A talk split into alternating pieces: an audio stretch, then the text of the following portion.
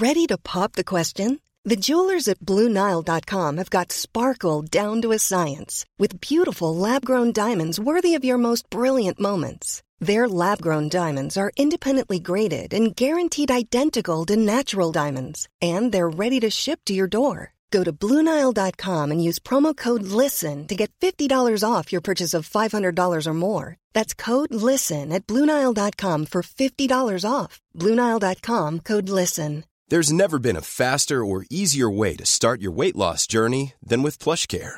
PlushCare accepts most insurance plans and gives you online access to board-certified physicians who can prescribe FDA-approved weight loss medications like Wigovi and Zepbound for those who qualify. Take charge of your health and speak with a board-certified physician about a weight loss plan that's right for you. Get started today at plushcare.com slash weight loss. That's plushcare.com slash weight loss. plushcare.com slash weight loss.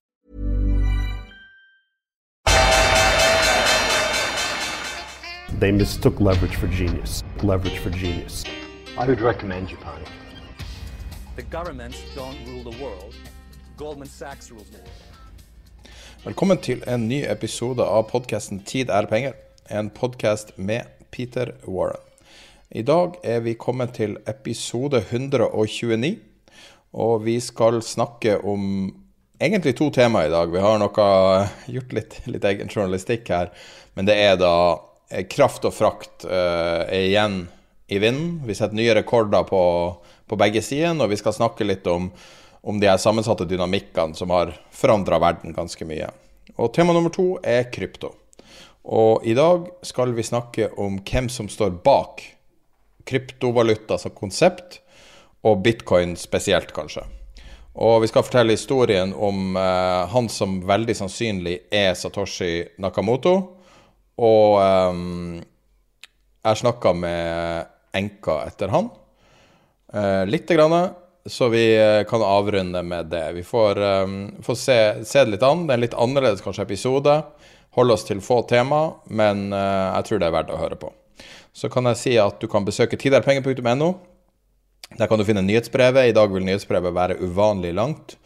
Uh, tiderpenger slash nyhetsbrev. Og så har du eh, Vi har en newswire som er nå nylig blitt lagt til med nye kilder. Vi har masse breaking news-kilder døgnet rundt, året rundt, også i helgen. Eh, og vi har blant lagt inn en del kryptokilder nå, og nye typer kilder som dekker Kina bra også. Så det, det er en tjeneste som bare blir bedre og bedre. Så den finner du på Newswire på hjemmesida. Uh, og utenom det så tror jeg kanskje vi bare skal gå i gang med episode 129. Ja, da er vi i gang med episode 129. Er ikke det Porsche? Nei. Nei, jeg tror ikke det er en Porsche 129. Jeg tenker det var en som het 917, det er ikke det, men den som jeg syns var helt rå i sin tid. Ja, da kan vi ta det når episoden 9-17 kom. Men uh, når vi satt og gikk gjennom, vi drev jo begge og la inn masse tema for uh, ting vi kunne snakke om, og så slo du alt sammen til kraft og frakt. Uh, ja. og, og, det er vel det at, at ting er litt likt, selv om det er forskjellige markeder. Er det rett, og, rett tolka? Ja, og så henger de jo for så vidt uh, sammen, da, for, for, tiden, kan vi si. ikke sant, I og med at det er jo bl.a. frakt av strøm, selv om ikke det er den vanlige frakten som du tenker på. Og det, og det, interessante der var for øvrig, nå skal jeg rette på meg selv, og det er jo alltid en, si, en jeg vil ikke si en fornøyelse å gjøre, men det er en nødvendighet. Og det var at jeg ble korrigert i forbindelse med forrige Eh, forrige podkast hvor jeg hadde sagt at uh, Statnett solgte til uh, systemprisen. Og, system, og, så sier vedkommende, som da heter Gerhard Dorman, og som viser seg å være professor ved NTNU i produksjonsplanlegging i vannkraftsystem. Litt sært, men, men, men, artig. Men i hvert fall, han påpeker, da, påpeker dette her. Og, og, det er jo helt riktig, fordi det er områdeprisen som, som, legges til grunn. Så et kraftverk der hvor det befinner seg, det selger da strømmen til den områdeprisen til, eh, til, til Statnett. Og Statnett tjener da forskjellen på det, det den kjøper for, og det de eksporterer til eh, ja, ut til Tyskland f.eks. For, for. Men det interessante her, altså når du begynner å se på dette, det er at det mindre effektive Statnett er, det mer tjener de. Det er, det er litt sånn dårlig kombinasjon. Altså, så, så hvis de gjør beskrankninger, beskrankninger i nettet, så du kan ikke overføre så mye strøm til f.eks. Tyskland som du vil, så stiger jo prisene i, i Tyskland. Og da, det vil jo da det som Statnett har kjøpt, og som de kan da levere til, til Tyskland, får de mer penger for. For øvrig så er det flere pressekontakter i Statnett enn det er i Finanstilsynet, og det gjorde meg litt urolig. så du at jeg la ut en video fra Finanstilsynet på Facebook? Så den? Jeg så det, men jeg har ikke fått sett den ennå. Blant annet fordi du syns, at det gikk så tregt i den, men uh... Altså, det fikk meg til å sette pris på min egen profesjon som å snakke for living. for der var, det, der var det i første gir, altså. Men, uh, men det var veldig artig å se det ene var at det var en artig historie, men det andre var det første gang jeg har sett Finanstilsynet si noe offentlig på den måten. Det er jo ja. alltid, som du har påpekt mange ganger, ingen kommentar. Ja, og det, jeg syns det er positivt at de legger ut Men det var veldig interessant. Ting. Men dette hadde med bankkrisen å gjøre, og ja. den har jeg lyst, lyst, til å se. Men hvis vi går tilbake da litt til hva som foregår innenfor, uh, innenfor altså Hvis vi ser på energisituasjonen. Vi nevnte jo dette tradingselskapet Gunvor, um, som er en av de jeg tror det er de fem, verdens fem største tradere innenfor bl.a. olje, men også innenfor, uh, innenfor, gass. Så var de nødt til å kutte posisjonene sine for å få ned marginene, altså sikkerhetsmarginene som vi snakket om, ville, ville komme til å velte uh, aktører. Og Senere har jeg sett det bli bekreftet av andre, at, uh, som da uten å påpeke hvilke det gjelder, men sier at aktører vil, vil gå over ende. Men det er ikke bare de som går over henne. For i, i, uh, i Storbritannia så der uh, liberaliserte de uh, kraftmarkedet på den måten at eh, strømselskaper kunne da tilby Altså du skulle bare ha en PC og, og en tillatelse fra myndighetene. Ikke, du måtte ikke stille sikkerhet. Så kunne du begynne å selge kraft. Du kunne kjøpe kraft og selge det til andre. Og det som skjedde i forbindelse med eh, det, var jo at eh, mange kastet seg på denne trenden for å og uh, signet opp massevis av forbrukere, så, så, mange de kunne. Og for å komme seg inn i markedet så tilbød de billig kraft i en periode. Problemet som vi nå vet, altså disse handlet i, i spotmarkedet Altså Gunvor tilbyr billig kraft? Nei, nei, nei, nå er jeg over på, nå har jeg flyttet meg til Storbritannia. Fordi det er, en, det er litt sånn analog oh, ja, så, sorry, sorry. Jeg situasjon. Jeg, jeg, skal, jeg skal gå, gå, litt tilbake til, til konsekvensene av Gunvor, for det var et lytterspørsmål i forbindelse med dette her. Men det som da har skjedd, er at de har lovet da å levere kraft til priser som er kanskje en tiendedel av, av de prisene som er i dag. Og disse har da gått konkurs. I massevis har disse strømleverandørene gått konkurs nå. Og man har de, hørt om de her strømleverandørene som har gått konkurs, jeg visste ikke hva det var. ja, og, og pga. at det ikke har vært noe krav til sikkerhetsstillelse, så er det forbrukeren som må ta støyten. Eh, for dette. Så du kan si at noe fælt om finanskrisa og teaser ah, rates. Og... Altså, when it rains it port, og det gjør det jo virkelig i Storbritannia. altså Når det først begynner å gå ille, så, så, så går det til helvete, for å si det i åpen båt.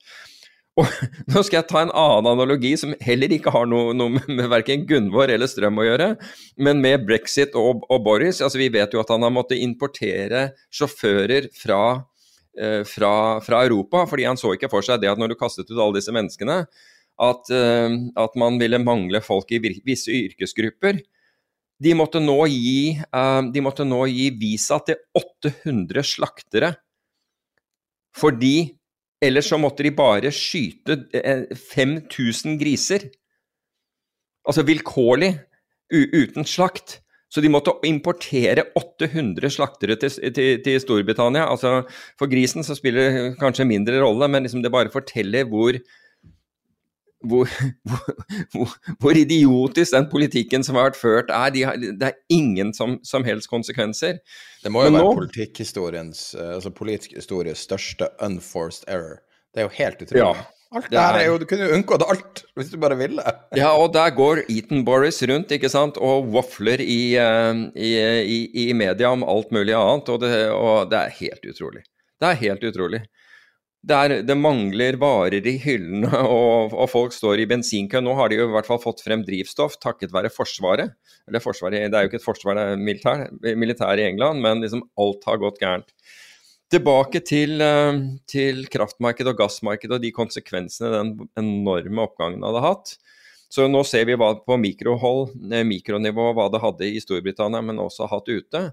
Det er at bankene fikk noia fordi disse store, uh, disse store krafttraderne, eller ikke kraft, men energitraderne, kan du kalle dem, Gunvor, Trafigura, Vitol, um, også den mest kjente, hva er det heter, uh, sveitsisk, du vet, Glencore. Alle disse trengte jo kapital, altså alle disse trakk opp alle linjene sine bare for å kunne, betale, altså bare for å kunne ma møte marginkrav, og trengte mer. Og det gjorde at bankene trakk linjer tilbake fra de mindre så, så var det en, som, lytter, en, lytter, som spurte hvordan fungerer disse markedene nå den, eller fungerer de i det hele tatt i denne krisen? Og svaret på det er ja. Men de, de fungerer nå da takket være bl.a. bankene med mye mindre konkurranse, noe som gjør at de aktørene som er igjen, som er de vi nevnte i sted, med Gunvor i spissen om du vil, har kunnet øke spreddene altså mellom kjøper og selger voldsomt. Og de sitter litt som bankene gjør, altså bare øker spreddene hver gang det er litt bevegelse i, i valutamarkedet, og tjener grovt. Så, så, det er liksom konsekvensen av, uh, av, det, av det, som uh, foregår. Jeg, jeg, følger jo med day ahead-oversikten til Nordpool, mm. eh, som er da mer eller mindre spotmarkedet for hele Europa sammenligna med hverandre.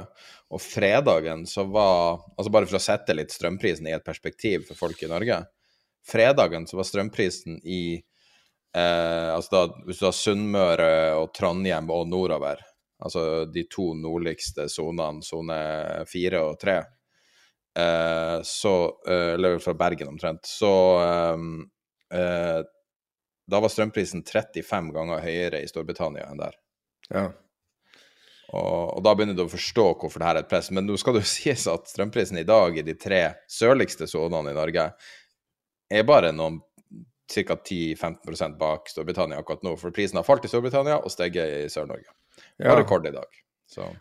Og, og, og, og, den professor Dorman da, som, som rettet meg eh, sist, og, som jeg er takknemlig for gjorde, han påpekte jo, og han mente at den kritikken som jeg hadde sagt av, eh, av dette med eh, eksport av norsk strøm, nemlig at jeg firmly mener at prisene vil stige som følge av det, og at det vil bli høyere volatilitet. Han, han var på en, måte, på en, måte, uenig i det, og, vil, og, mente at dette var så godt utredet på forhånd.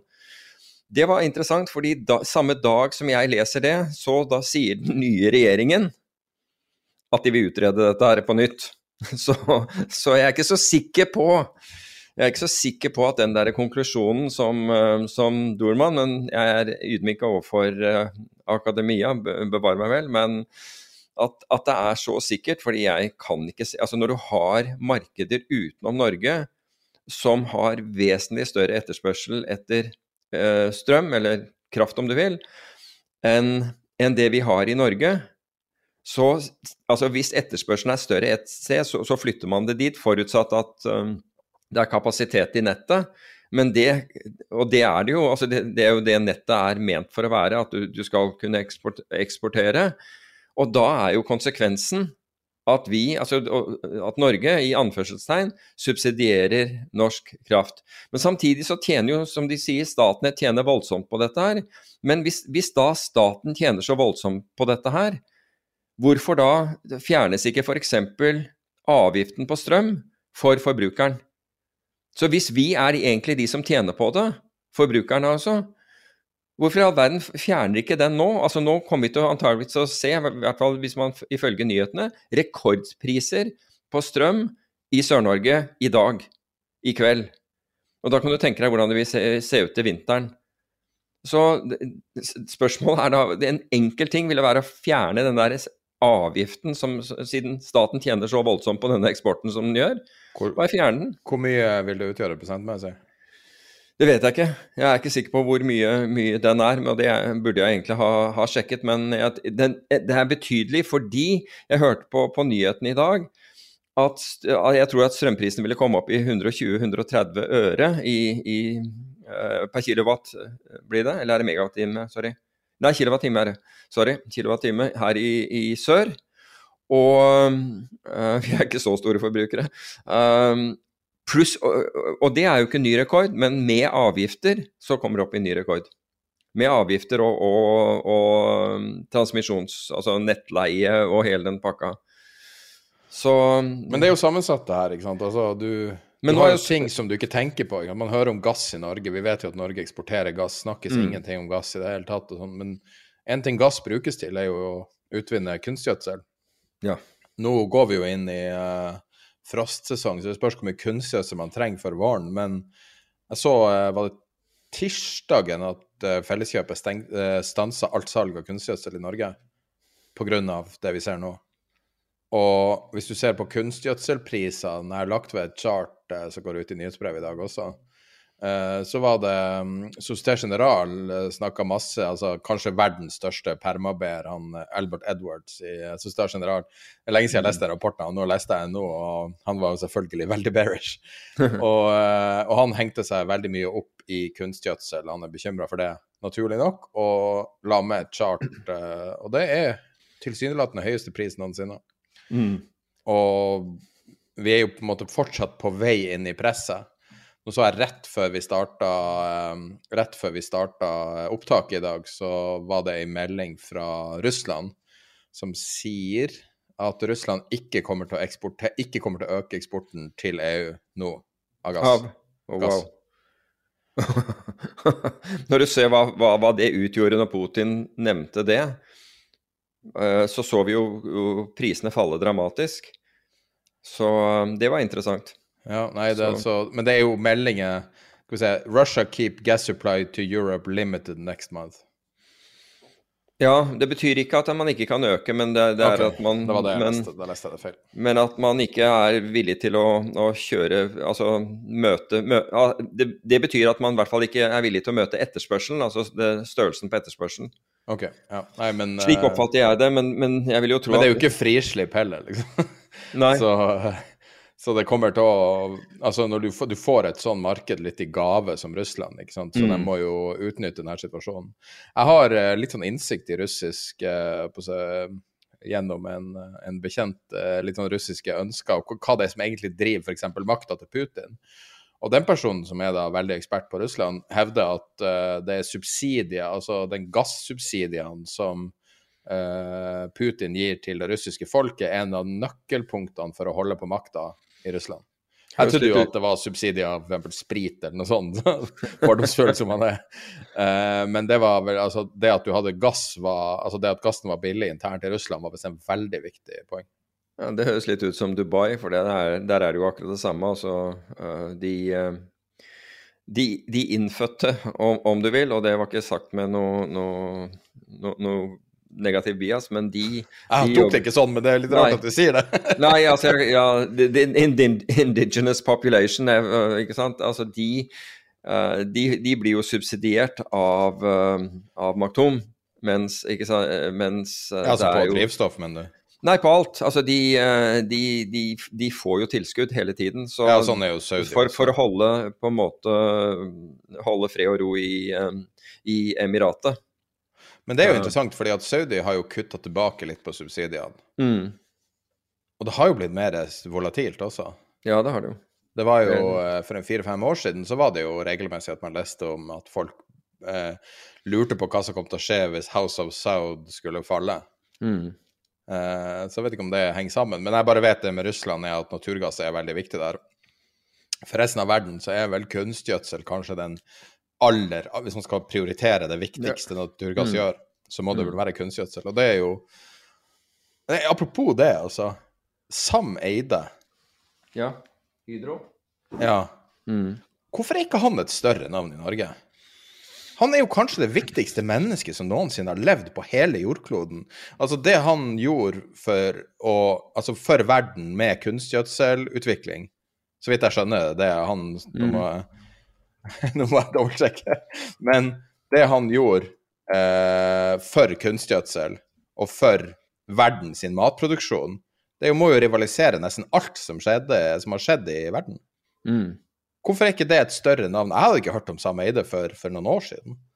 Ja, det hadde jeg, men, uh, men, jeg, men, jeg, er enig i det. Han er vel ikke uh, Han er vel ikke slått opp sånn som du, uh, du antyder. Det er han, er han, vel ikke. Men jeg, jeg, fløy, jeg fløy småfly sammen med sønnesønnen hans da jeg, var, ung.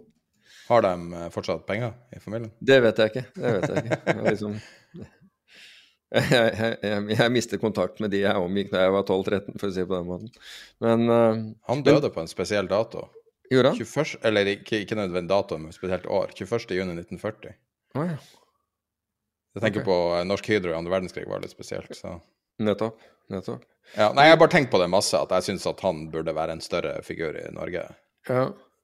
Det at jeg ikke, ikke visste om han, syns jeg var litt problematisk, men uh. Men nå er vi på altså, ja, ja, nå er vi litt på viddene. Men, men, i hvert fall gassprisene korrigerte nedover, som vi, vi snakket om forrige gang pga. Eh, Putin. Og for så vidt gjorde i hvert fall strømpriser for, for levering i, i, neste kvartal. Der, eh, altså nå, Vi snakker om spotstrøm, det er jo den vi, vi hører om eh, på radioen. Men jeg, jeg følger jeg følger strøm litt, litt, eh, litt lenger frem. Altså vi, men poenget er at alle disse innsatsfaktorene har jo steget Altså vår, vår energi har steget vesentlig Altså alt som vi bruker til energi, være seg fossilt ja, uh, Gass Altså alt, alt, det fossile har steget kraftig i, uh, i, i pris. Og det kommer vi til å merke, og ikke bare det, men det, det, virker også inn på produksjonen, sånn som elektrisitet og andre ting virker inn på, på annen produksjon.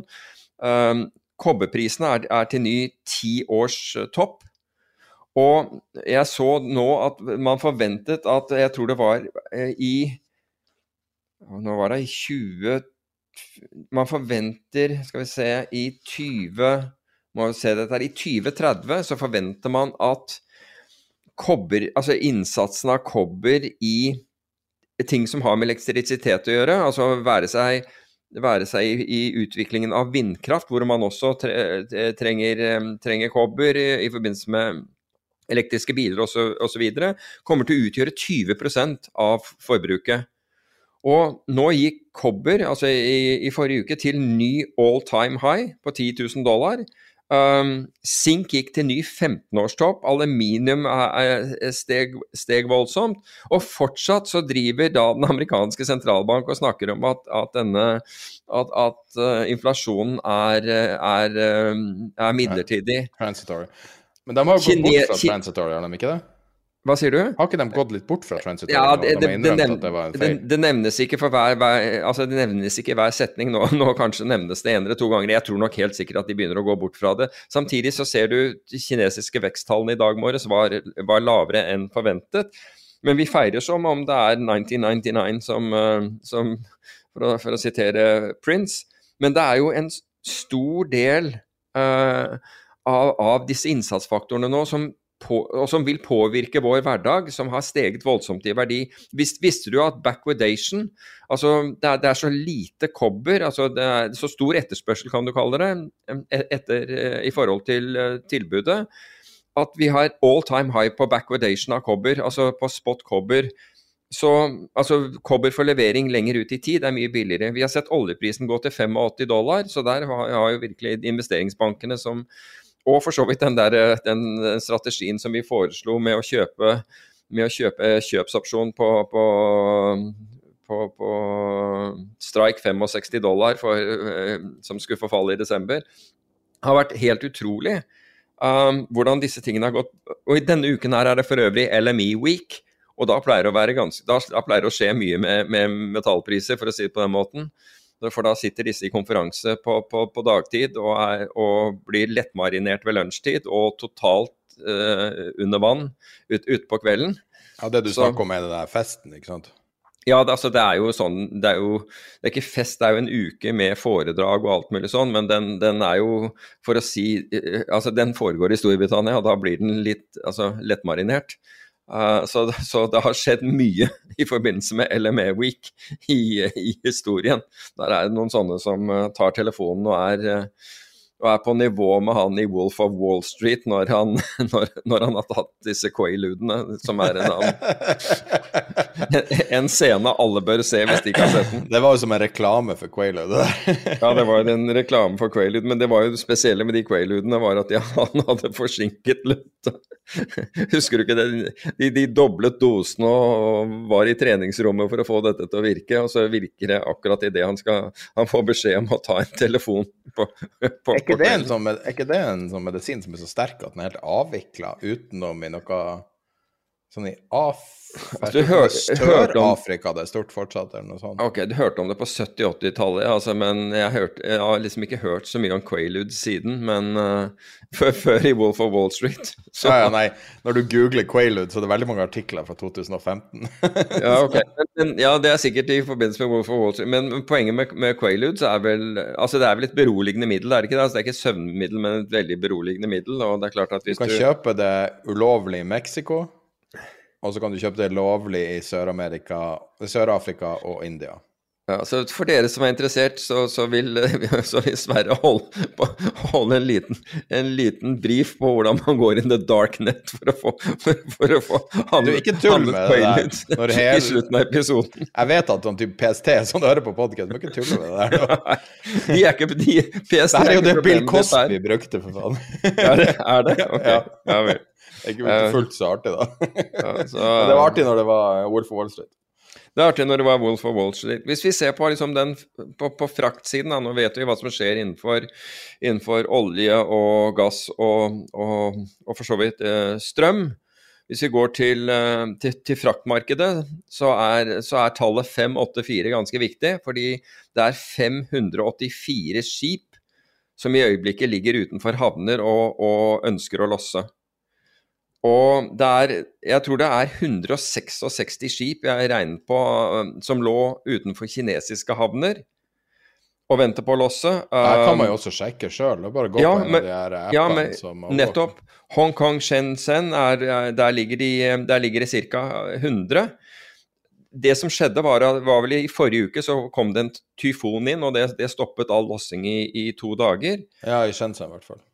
Ja, hvis du, hvis, du, eh, hvis du seiler til altså Los Angeles, som er den viktigste havnen for, eh, i, i USA, den største havnen og, og viktigste havnen, der tar det seks dager um, å, å få losset. Og der ligger det i øyeblikket 53 skip og, og, på vent. Men og tilbake til podkasten og dette med den indikatoren som var Barents, så er det ganske interessant å se, fordi bulkratene har falt med 17 siden, siden Barents eh, hadde om dette på, på, på forsiden. Så, og så ser man nå at det kommer analyser som da, da Altså, problemene her en venn av meg bor ute Jeg måtte bare se hva han Han sendte meg en melding. Eh, at han, eh, han så tre skip fra, eh, fra trappa si.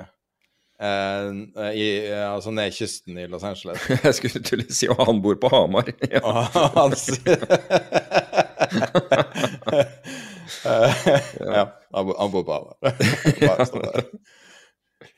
Ja, det er, det, er, klart når, når det står en sånn ULCC Nei, det er jo ikke det de bruker, det er jo containerskip. En sånn Panamax med baugen nesten inne i huset ditt og spør, og spør om, de kan, om du kan ta imot en trosse. Da, da, sånn, da skjønner, sånn, jeg så en sånn Evergreen-container uh, like utenfor Oslo i går. Ja vel. Og det er, jo, eh, det er jo blitt mangelvare med containere. Altså, det er jo et seriøst problem med mangelvare. Absolutt. Absolutt. Og ehm, uh, det var Hvem var det som sa det? Det var en rapport som kom ut fra et selskap man aldri har hørt om, selvfølgelig, som heter Fastenel Company. Og han Mm. sier at uh, 35% av alle containerne ehm, som kom inn i tredje kvartal, kunne de ikke få videre til destinasjonen fordi det var mangel på containere. Altså um, det, I nyhetsbrevet som går ut i dag, um, så, så legger vi med video fra, fra en av de havnene.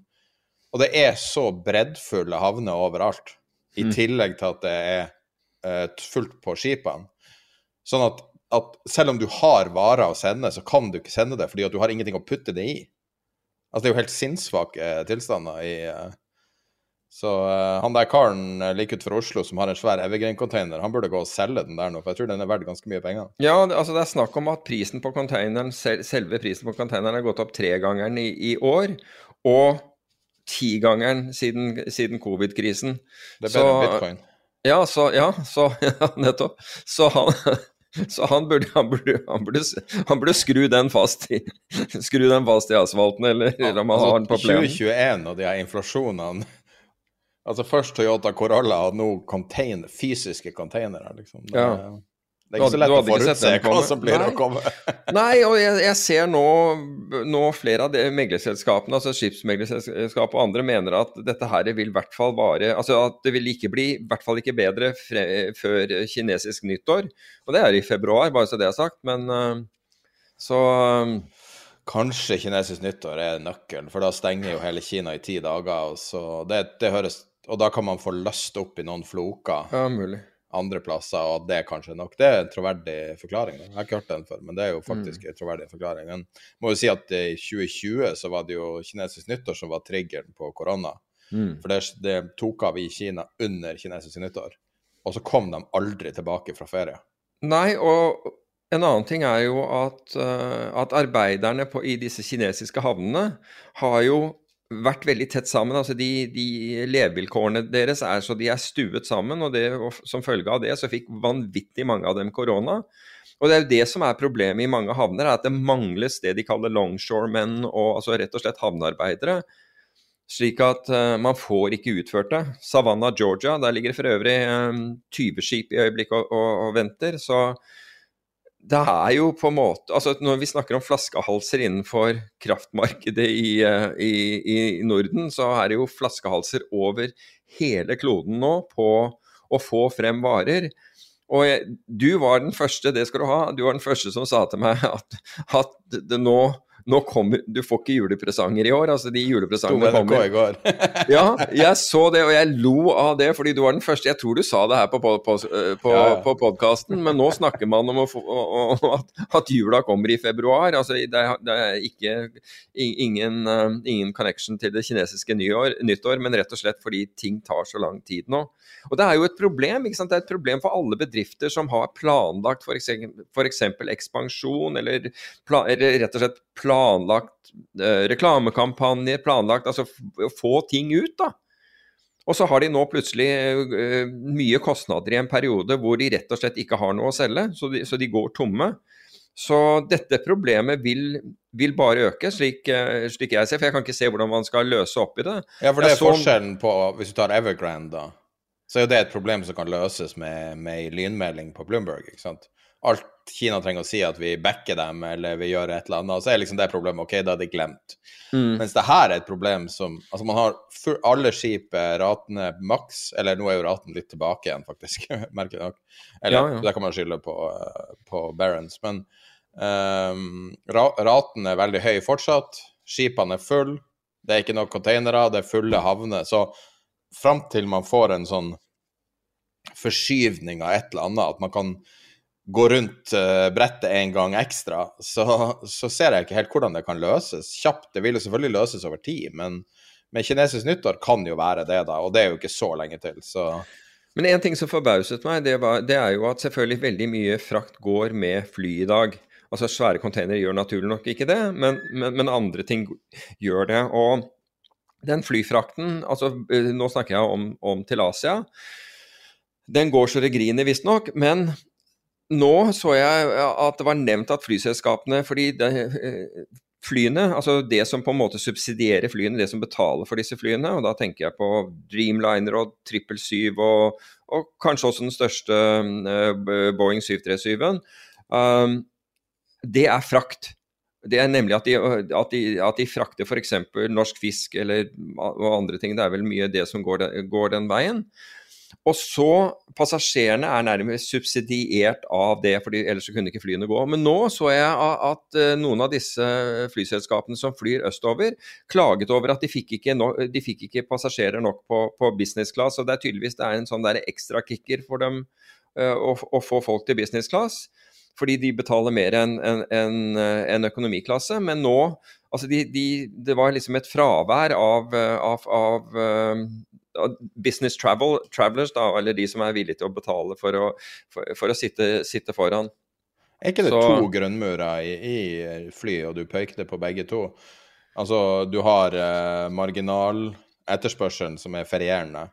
Ja. Og så har du den naturlige etterspørselen som er dem som må reise, som er, er næringsdrivende. Og så har du eh, naturlige frakter, altså f.eks. F.eks. Apple da sender jo absolutt alle delene sine med fly. De sender aldri på skip. Mm. Um, og, eh, og, alt som er perishable goods, er jo på fly også.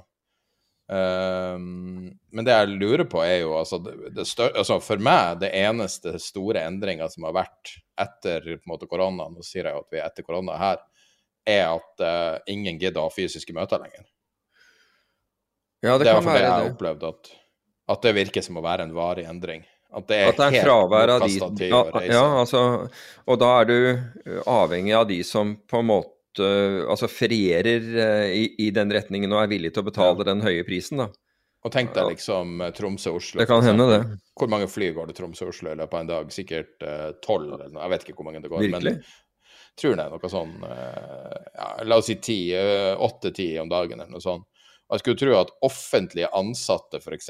som reiser på møter, og, og, eh, alle mulige slags næringsdrivende som reiser på møter, som man like gjerne kan ha på uh, Teams, det tror jeg kommer til å falle fra permanent. fordi at hva i alle dager er vitsen med å kaste bort alle de ressursene? Mm. Så um, Men det er jo gammelt altså det, det, er jo ikke mulig å tjene penger i luftfart, og det, det er ganske veletablert. Det er vel det eneste verre er vel Formel 1 omtrent, men uh, Ja, det, det er how mulig. To, uh, how to make a small fortune. Start with a big one and an airline eller racing team. Ja, ja det er faen meg. Um, men uh, det du ser, altså de store, store, store importørene, da, Ikea, Walmart, Amazon, de gjør jo alle det samme. De rett og slett tar, eh, tar situasjonen i egne hender og løser det mm. Så Ikea um, Eh, sende egne tog fra Asia. Tog er jo en sånn uh, ukjent fraktmetode, siden du har uh, gjennom Russland toglinjer som går helt til Beijing og Shenzhen og alt. Det går jo helt ned til Spania fra Shenzhen. Og de togene koster vel Jeg tror det koster ca. på normalraten så er det ca. en tredjedel av frakt av flyfrakt og tre ganger skipsfrakt. Det er det som har vært sånn, sånn roughly. Hvis det koster 3000 dollar på skip, så koster det 10 000 dollar på, på um, tog. Mm -hmm. og, og, det er jo noe som Ikea har gjort sjøl, at de sender uh, varer på eget initiativ til Europa. fordi at der har de jo over et års forsinkelse på enkelte varer. Walmart uh, har chartra egne skip, og Amazon er ute og shopper fly nå. Wow. Så det er definitivt Og, og det kan jo også være en permanent endring. Jeg vet, jeg vet ikke akkurat om, om, det er noe de har, en business de har lyst til å være i. Mm. Men uh, det, det, er jo ikke en helt umulighet at Amazon da skaffer sin egen flåte og bare går bort fra spedisjonsselskaper hvis de er så misfornøyd som de åpenbart er, hvis de gjør det sjøl. En uventa endring. Ja, nettopp. Hvis jeg kan ta en sånn digresjon til det, fordi dette dukket jo opp i, i forrige uke, altså, og det har med skandalen rundt dette Greensill-selskapet som, eh, som vi har omtalt eh, ja, vi begynte vel å omtale det for snart halvt år siden, tror jeg. Men i hvert fall, eh, det er jo en svær, svær skandale at det, hele selskapet har, har implodert. Og, man, og Lex Greensill, som var grunnlegger av, av, dette, har rett og slett er, Jeg vet ikke om han er arrestert for svindel eller, eller hva, men i hvert fall, han er, han er i hardt vær.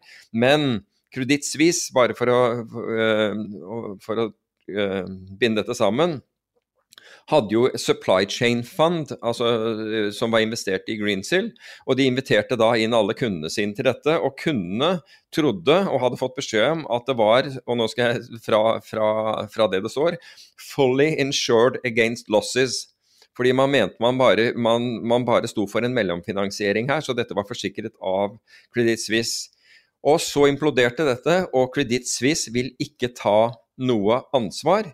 Men Nå har de kommet på banen og lovet de investorene som fordi det er mange investorer som nå går til gruppesøksmål Saksmål, det er bra. Søksmål mot, uh, mot Credit Suisse. Men da har de sagt til de som går til gruppesøksmål at hvis de ikke gjør det, så skal de, så, så, så skal de slippe å betale fees på wealth management i en periode. Så, så du, du, slipper den derre Jeg, jeg trodde de hadde rota seg opp i naturgass eller eller Nei. Nei, det er, det er, liksom, det er liksom så søtt. Jeg syns det er så søtt av dem at de, de da lover at de ikke, ikke, skal eh, ta gebyrer av dem i en periode, hvis de ikke saksøker dem. Er, jeg syns det er søtt. Ordentlig søtt. Så det var digresjonen jeg hadde om det. Ellers så er vi vel i mål på på frakten, tenker jeg. Ja, Vi kan Men, jo si eh, altså sånn, fordi at når man snakker om gass, så kan man like gjerne snakke om olje. Det er nå ja. samme folkene som utvinner det, stort sett. og bare så på oljeprisen Jeg så sjekka fredag, jeg orker ikke å gjøre tallene på nytt, men uh, uh, ei uke prisen opp 3% på Brenta, en måned opp 15 mm. tre måneder opp 14, ett år opp 95 ja. Så det har virkelig vært Altså, altså sett det her opp mot den FN-rapporten um, som klima, klimarapport som uh, over natta forandra verden betydelig, ja, betydelig grad. Og um, og du ser at det er ikke så enkelt som å bare si nå skal vi altså Det er ikke sånn at folk har valgt oljeproduksjon fordi at man er så lat at man ikke Eller man er så dum at man ikke skjønner at man kan jo bare man kan jo bare ha eh, grønn energi. altså Det er jo en sammensatt, komplisert problem. Ja. Og, og, hvis du da setter uh, uran også på toppen av det Nå er uran tilbake igjen også og er opp uh, jeg vet ikke, 10% de siste, par, tre, siste uka ca. Og eh, jeg følger det via Ura, den ETF-en. Eh, e og, eh, og, det er jo også relatert til det her, fordi at man, hvis man skal få en, en sammensetning, eller hva man skal kalle det, en basket av grønn energi, så må jo noe som er permanent, altså noe som ikke følger værmønstrene, må jo være med i det. Ja, det er vel det folk mener, eller? Ja, det virker noe som Du må ha noe mer enn bare strøm og, og Nei, med sol og, og vind. Men det er, det, det er, litt som om verden har våknet opp til, eh, til at den grønne energien er ustabil. Altså har, har, er mye mer ustabil enn en den fossile, og det har liksom ikke kommet frem ordentlig før, før tydeligvis, da, for mange før i år. Og nå er det, men, men, du hadde en grafe som du viste meg før vi den begynte. Fra Goldman. Den fra Goldman Sachs, ja. nettopp. Det har nesten ikke vært investert i nye oljeprosjekter siden 2013. Det er helt crazy. Og det, altså. ikke sant? For det siste store året var 2006. Og det har altså Og det samt, uh, samt uh, covid sendte jo da ned uh, Altså lagde kriser for riggselskaper, supply-selskaper, også for oljeselskaper, ikke sant, i og med at oljeprisen falt så mye som den gjorde pga. etterspørselssvikt. Da hadde du liksom voldsomt, men man, det er jo ingen insentiver. Har vært, inntil nå så har det ikke vært noen insentiver for disse her å, å gjøre noe. Altså, folk, eh, altså Man vil ikke hyre inn f.eks. rigger fordi det er ikke grønt, og så blir det ikke boret. Og, og, og derfor har også Capex vært så, så lav som den, som den, har vært. Så vi har på en måte ikke sikret oss en plattform av grunnenergi, altså den, den, den energien som vi må ha for å kunne fungere som, som et samfunn. Fordi man, fordi man har latt uh, Man har på en måte vært med i denne bølgen av, av populisme rundt, rundt, det grønne skiftet. Og det grønne skiftet Alle vil jo egentlig ha et grønt skifte, det er, det er jo ikke mulig å argumentere mot det. Men du kan ikke fryse i hjel på veien. Det finnes sikkert en eller annen onkel Skrue. Jeg, jeg, var i møte med en kar i London husker jeg, for noen år tilbake. Det minst inspirerende Han var som en parodi på en rik mann. Og en del av det møtet så måtte jeg være med på, på en konferanse og se han snakke. Og han, han dumma seg så grundig ut med måten han Hva som var viktig for han. At når han skulle snakke om det viktigste Det viktigste, liksom Hvis man skulle ta med seg én ting, så sa han ja, man må fokusere mindre på grønn energi. Og det var bare sånn Av alle ting du kan påpeke som er viktig for deg, er det det som er det viktigste?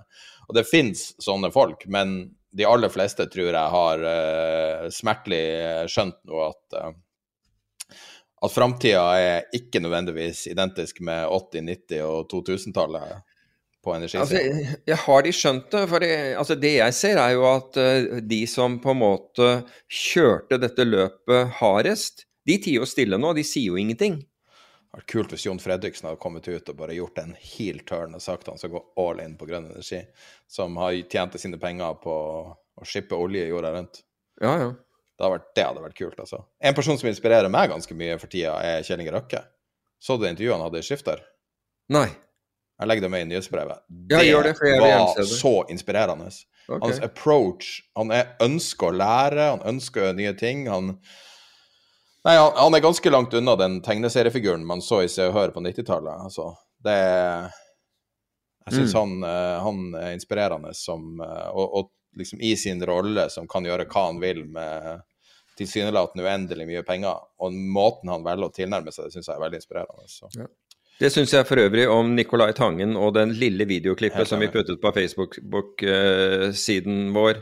Tid er penger også. Uh, veldig Vi inspirerende. kommer vel sikkert til å ha han som gjest en gang, vil jeg tro. Ja, det hadde vært Ja, jeg tror Jeg syns ja, bare han har tilnærmet seg den rollen med så mye ærefrykt og, og guts, og putter mye av seg sjøl i det, og så lite byråkrat. og Veldig inspirerende. altså. Ja, jeg, jeg er Altså, det som imponerer meg mest, det er vel hvordan han Når han først var i rollen, altså da har du blitt liksom beaten up hele veien frem til at du, det, du ble ratifisert, at du fikk eh, At du fikk stillingen. Og da kunne man jo tenke seg at da holder du hodet lavt i det første året bare for å ikke lage bølger, men tvert imot så har han på en måte gjort masse endringer og vært der ute. Og det syns jeg det står, står veldig stor respekt av. Absolutt. Så Da kan vi kanskje gå til episodens neste tema, som er eh, en litt eh, omfattende sak. Eh, hvis du er kryptointeressert, så har du sikkert hørt det av delvis før, men jeg har gjort litt eh, førstehåndsresearch, så litt ny, litt ny informasjon er det å oppdrive her på slutten. Um, og det er Vi hadde tenkt å snakke om krypto i dag, som vi ikke har gjort så veldig mye. Nå har jo bitcoin vært og toucha helt opp mot all time high de siste tre-fire dagene. Uh, skal vi se om den passerte? Jeg tror Nei, jeg, de har ikke det, den, for det er 6480, tror jeg. Og, Ja. så, så den har vært un, under det. Jeg touchet den Den var nesten i 63 000, så jeg I, uh, Futuren var over 63. Ja, og, ja, var det, eh, Ok. Men altså, basically, den var på all time high, eh, og en eh, promille unna toppen, og var en ny topp. Mm. Um, så det er veldig naturlig å snakke om bitcoin. Og så når man snakker om bitcoin, så er det liksom alle de her folkene som har kasta seg på, som er veldig sånn polariserende figurer, og man kan snakke om dem selvfølgelig, og alt sånn. Men det som kanskje er mest interessant med bitcoin, er jo det at man fortsatt ikke vet hvem som står bak bitcoin. Men eh, jeg satt og hørte på en teknologipodkast teknologipodcast nå i forrige uke, og så nevner noen det i forbifarta, at det var en som har skrevet en blogg om det her. Og de hadde liksom diskutert, og så oppsøkte jeg den, og så satt jeg hele helga og researcha et menneske da, og, og gikk i dybden. Så i 2009 eh, ble en whitepaper publisert, som var starten på bitcoin, og så var det en overførelse til en eh, person som het eh, Hal Finney. Det var vel den første man vet som mottok en bitcoin, og masse som skjedde. Men det er én person som har eh, Livet korrelerer fryktelig godt med, eh, med bitcoin, og det er en eh, person som heter Len Sessaman. Han tok livet av seg i, dessverre i, i, i eh, 2011, 3. juli. Det korrelerer for, for øvrig ganske godt med den første skikkelig spiken til bitcoin. Eh, Jeg tror det var akkurat over toppen. Om det er relatert, er helt uvisst. Han, han hadde en, eh, en lidelse som heter functional neurological disorder, som eh, i praksis er en mellomting mellom en mental sykdom og en fysisk lidelse. Virker være veldig tragisk. og Det er spekulert at det er årsaken til at hun livet seg. Så Evan Hatch har skrevet et mediuminnlegg på det, og jeg tenkte jeg skulle prøve å oppsummere litt hva det står der. Så prøv å bare trekke Det er veldig, veldig mange punkter, så prøv å trekke ut noen, da. Så han Sessamon uh, tilhørte noe som heter cyberpunk-kulturen. Det var der den første, i 1981, tror jeg det var, det var første gangen noen omtalte kryptovaluta eller, eller digitale penger. Og det var den kulturen der bitcoin end, endte opp med å oppstå, og eh, han eh, Sessaman var veldig aktiv på det forumet der den kom. Eh, 13.12.2010 eh, sendte han, han, som kaller seg Satoshi, en e-post til en som heter Mike Hearn, som sier I've moved on to other things and probably won't be around in the future. Det var et halvt år før han døde, han Sesseman.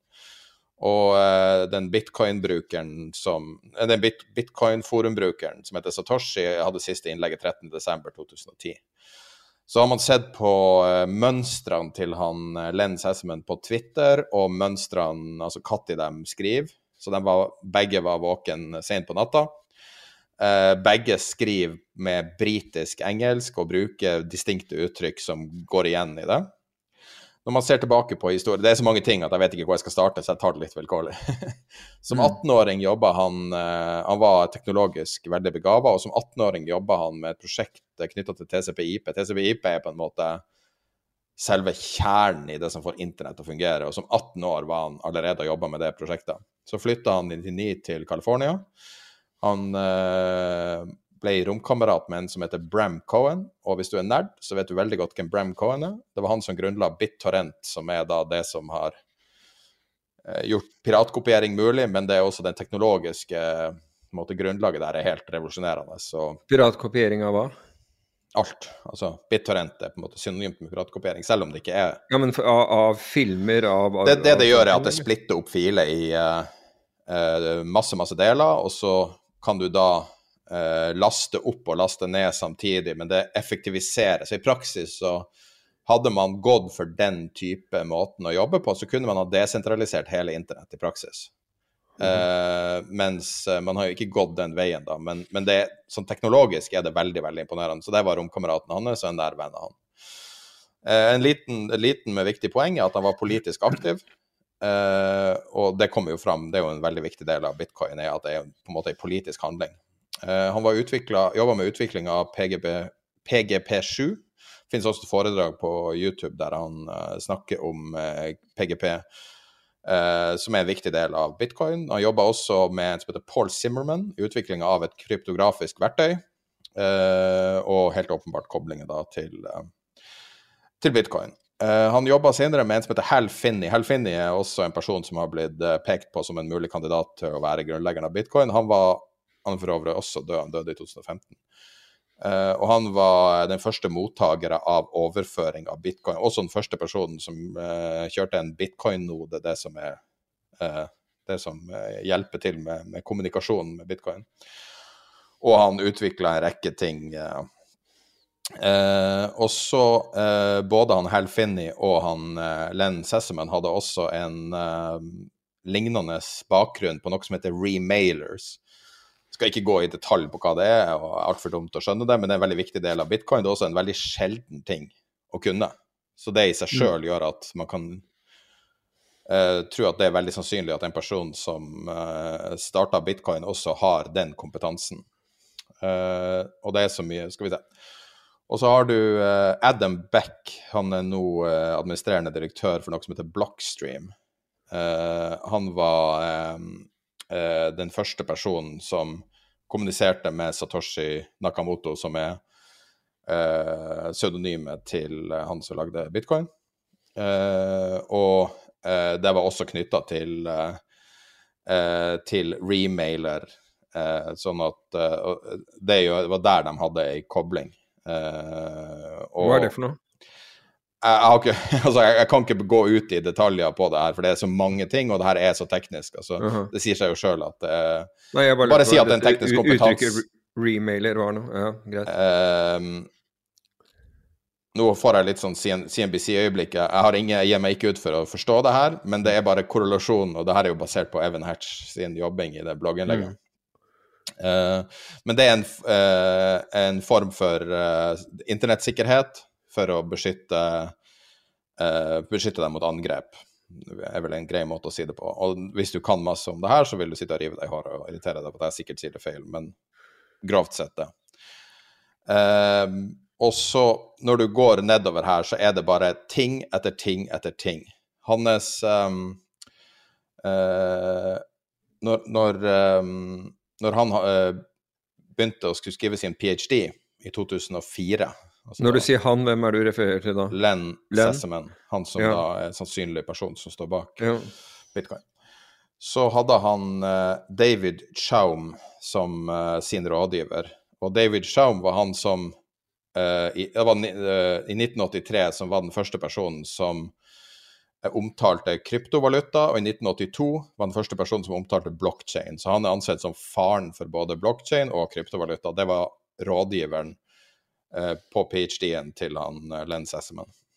Eh, Veilederen, med andre ord. ja, veilederen, ja. Eh, han eh, Han Det var eh, Hvis du går på YouTube og søker på Len Sesseman, så finner du en del eh, foredrag han holder, og en del ting han snakker i offentlighet. Og da jobber han eh, i samme organisasjon, eh, det heter COSIC, skal vi si, Computer Security Industrial Cryptography Research Group. Der jobber han eh, Hørtes ut som eh, en sin CIA-akronym. ja, og eh, det er jo sikkert masse overlapp mellom hemmelige tjenester, gud vet. Um, skal vi se Det er så mange ting her at uh, Og så er det det at, at eh, hvis man ser når han legger inn innlegg, det er jo litt lettere å skjønne, så ser du at han, han er aktiv eh, når det typisk er ferie fra, fra sånne eh, institusjoner. Eh, så han er aktiv sommer, på sommeren, han er aktiv på natta. Og hvis du går og ser på Len Sesseman sin Twitter-konto, så ser du lignende eh, korrelasjon. I tillegg til at det språklig er veldig lik måte å uttrykke seg på. Men så ut ifra, denne samvariasjonen mellom det som eh, Satoshi Nakamoto sier og Len, og det Len sier, så tyder det på at det, hvis jeg forstår deg rett, så tyder det på at det er en og, kan være en og samme person, er det sånn jeg forstår? Ja, eh, det er naturlig å tro er at Len Sesseman alene, eller Len Sesseman og ehm, Det er mye navn sånn, og Hal i lag utvikla det. Ehm, og om Men jeg kommer til Jeg har eh, litt egen gikk- research helt på slutten her. Så, Men ja, nettopp. Du, du gikk jo et skritt videre med, med dette her, ikke sant? Ja. Og så ehm, eh, Litt sånn lettere ting å skjønne i språk. Så eh, når han eh, skrev når, når Satoshi skrev, så brukte de ord som 'bloody difficult', 'flat maths' og 'grey', altså med E. Eh, og datoformat, som også henviser til Storbritannia. Eh, mens han uh, snakker om euro i stedet for pund. Og det her, han bodde vel i Belgia, så vidt jeg husker. Han ehm, eh, Len? Len det var der han mm. jobba og studerte. Eh, når han eh, Du kjenner jo sikkert til Genesis Block, som er den eh, første utvinninga av bitcoin. Og som en del av Genesis Block så la han med ei fysisk eh, overskrift fra en avis, som var fra The Times. Eh, og, og det solgte masse av i, eh, i Belgia, der han bodde, og ble brukt av researchere. Så det er veldig, også en korrelasjon, en sånn fysisk korrelasjon, for det, det var noe man vet Satoshi brukte, og det var noe som var veldig naturlig for han Len Sesseman å ha tilgang til. Um, og så ser du igjen masse språklig. altså Det, det her går uh, virkelig dypt inn i det, i tillegg til at de var aktive på samme tida på døgnet, veldig mye etter midnatt. Mm. Um, ja, og så, og så er det jo selvfølgelig den koblinga med han uh, Bram Cohen, som er da altså Når man snakker om BitTorrent, så er det et sånn peer-to-peer-nettverk. Det er virkelig det, det peer-to-peer-nettverket, og det er jo sånn bitcoin fungerer til en viss grad, og, og det er en veldig naturlig ting. Og, eh, men man kan gå mer og mer i dybden her eh, og se, og, og det finnes fire-fem kandidater. En som har eh, sagt at han var eh, Satoshi Nakamoto. En japaner som het Satoshi Nakamoto, som ble jaga rundt, jeg vet ikke om du husker det? Ble jaga rundt til Los Angeles med helikopter. og Jeg husker vi satt på, det var da jeg var aktiv på Twitter i gamle dager, satt vi og fulgte real time at de kjørte etter han der stakkaren. Og det går sikkert an å finne det på YouTube. Um, men så kommer vi da til uh, de nære vennene hans. Og uh, når man googler Len Sesseman Ja, og så, og så er det selvfølgelig det som er kanskje på en måte Altså det her er jo sånn sett, altså hvis du er, er nerd på det her nivået, så er ikke det så unaturlig, men eh, på hver node av bitcoin-nettverket så er det en del av eh, en del av eh, måte informasjonen er et, et eh, bilde med tegn av han og en, um, og en nekrolog. Der det står uh, Bit Len Rabbi Sessaman was our friend, a brilliant mind, a kind soul and a devoid schemer. Det står på hver eneste transaksjon av bitcoin. Så mm -hmm. han har sin dødsannonse på eh, blokkjede. Det sier ikke nødvendigvis sjøl at han, han, er Satoshi Nakamoto, eller var Satoshi Nakamoto, men det er i hvert fall en mulighet for altså det, det, er mye som korrelerer her. Han hadde i praksis alle kunnskaper, han hadde alle sånne geografiske eh, sammenfallende ting. Han hadde et mønster av å leve som var sammenfalt helt. Eh, men det er en person som ikke tror eh, han, var, han, var, Satoshi Nakamoto, og det er kona. Og jeg fikk melding fra henne i går. Uh, som, man, som, man, som, man, gjerne plutselig gjør. ja. Uh, så jeg sendte henne en melding, og så sier jeg om hun eh, For hun hadde skrevet ei kort svar når det, det blogginnlegget kom, at hun uh, syntes det var veldig, veldig bra skrevet, men hun var ikke enig uh, var ikke, Han var ikke Satoshi, og, men hun liker liksom koblinga med mental sykdom. Og så sier hun til meg i går da at I admit I have, haven't been through all his old hard drives and journals yet. They're in a box, but based on what I recall of our conversation at the time, I don't think it was him. Ok. Du er uenig, eller? For det, det ene nå, nå, blir man, Når man er, blir sånn oppjassa og skal fortelle alt det her, og man føler seg som en detektiv og sånn, så selv om jeg egentlig bare leste et blogginnlegg, og får da direkte kontakt med For man tenker på de her som sånn tegneseriefigurer, nesten. altså De virker jo ikke som ekte mennesker. Og så plutselig så ser man at det her er jo et tap. Uh, et enormt tap. ikke sant? En som tar selvmord, det er jo det, noe av det verste som mm. de etterlevende kan, uh, kan føle. Og, og, det er veldig kompliserte følelser. Så også det, liksom, det hun sier, er jo at hva hvis hun tar feil? ikke sant? Sitter hun på, på eh, hundrevis av milliarder kroner med krypto som hun ikke vet at For hun er dama har ikke noe krypto, så vidt jeg vet. Hun er jo ja, forsker. Fordi, fordi hun sitter på harddrivene? Ja, hun sier hun har harddiska, faen. ikke sant? Oh, wow. oh, wow. Ja. Kanskje hun sitter på Genesis-blokken. Du må jo, men du må jo ha nøkkelen, da. Ja, det er det som er, ikke sant. Så, How large is the Genesis block? Ja. Vet du hvor stor den er? Nei. Det aller første var 50 bitcoin, men uh, totalt, så sist jeg så, så var det 60 milliarder dollar verdien av de totale som var utvinnet av Satoshi. Det har aldri blitt rørt. Wow. Men hva tror du da, når du hører det her, liksom? Altså, det er jo vanskelig å sette fingeren på det tekniske, fordi at det her er jo over begge våre hoder.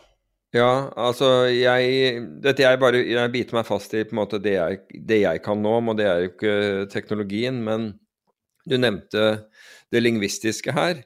Jeg ville jo studert det i detalj. Altså Det er det første jeg ville gjort. Jeg ville studert det i, det, i detalj for å se. Og det, det, vil være Altså de som er etterforskere på det nivå, de vil kunne fastslå ganske sikkert om de tror dette er samme person. Jeg legger en eh, link til forumet, så det er bare å begynne å lese. Uh, et bråskift av magasin senere. Ja. Der var vi. Jeg ville kanskje hatt to telefoner uten batteri, men det er bare meg. ja, det er, ja, ja. Men uh, nei, det jeg prøvde å si når batteriet ditt røyk, var at jeg legger med link til forumbrukeren Satoshi, så hvis du har lyst til å gå mm. og lete, så er det bare å lete. Ja. Og lese det lingvistiske. Det, det, det er jo en fascinerende historie. Uh, og det er jo veldig mange som leter etter hvem dette her var. Og, opprinnelig. Det er jo de som tror at han fortsatt er. Så det er jo, det er jo fascinerende å følge det sporet. Jeg, jeg tror det man kan si ganske sikkert, at Craig Wright er ikke han, i hvert fall. Det er han som har sagt at han var det. ja. uh, Craig Wright er nært nok sånn sett, men uh, Men han er absolutt ikke Ut fra det jeg Altså, nå baserer jeg meg jo på andre sine vurderinger. Minner meg veldig litt om Fight Club. Hvis, hvis, du tror det er en Fight Club, så eh, det var et eller annet så eksisterer ikke Fight Club. Var det, det, var et eller annet de sa i ikke den Ikke helt eh, sånn. Det var vel uh, Har du den? Rule one, don't talk about Fight Club. Rule two, don't talk about Fight Club. et eller annet sånt, men ja. Ja, men det, altså, det er jo på en måte Fight Club er jo veldig nært. Det er jo en sånn uh, narsi Ikke narsissisme, sånn uh, Hva det heter Å, herregud. De der karene i uh, Big Lebowski, hva er de? Uh, hva, heter folk som ikke betror på noe? Oh my god. Ateister, mener du, eller? Nei. Men det er jo ikke det Å, du mener. Det står stille for meg. Jeg vet ikke helt hva du fornekter.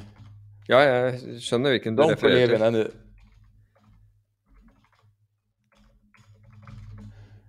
Var det ikke The Great Lebowski for øvrig? Nihilist. Hvordan klarte jeg ikke å huske det navnet? Altså, Fight Club og, og bitcoin har jo, har jo begge en sånn nihilistisk kvalitet. Mm. Eh, sånn at eh, det er veldig naturlig kobling å gjøre. Men det, det som jeg syns med han um, Len Sesseman, det er at jeg har møtt mange sånne nerder i mitt liv.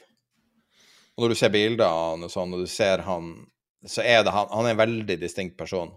Og, Mm. og jeg sier det altså jeg, så, som nerd, og du, er, du kategoriserer deg vel sjøl som nerd også. Nei, andre gjør det.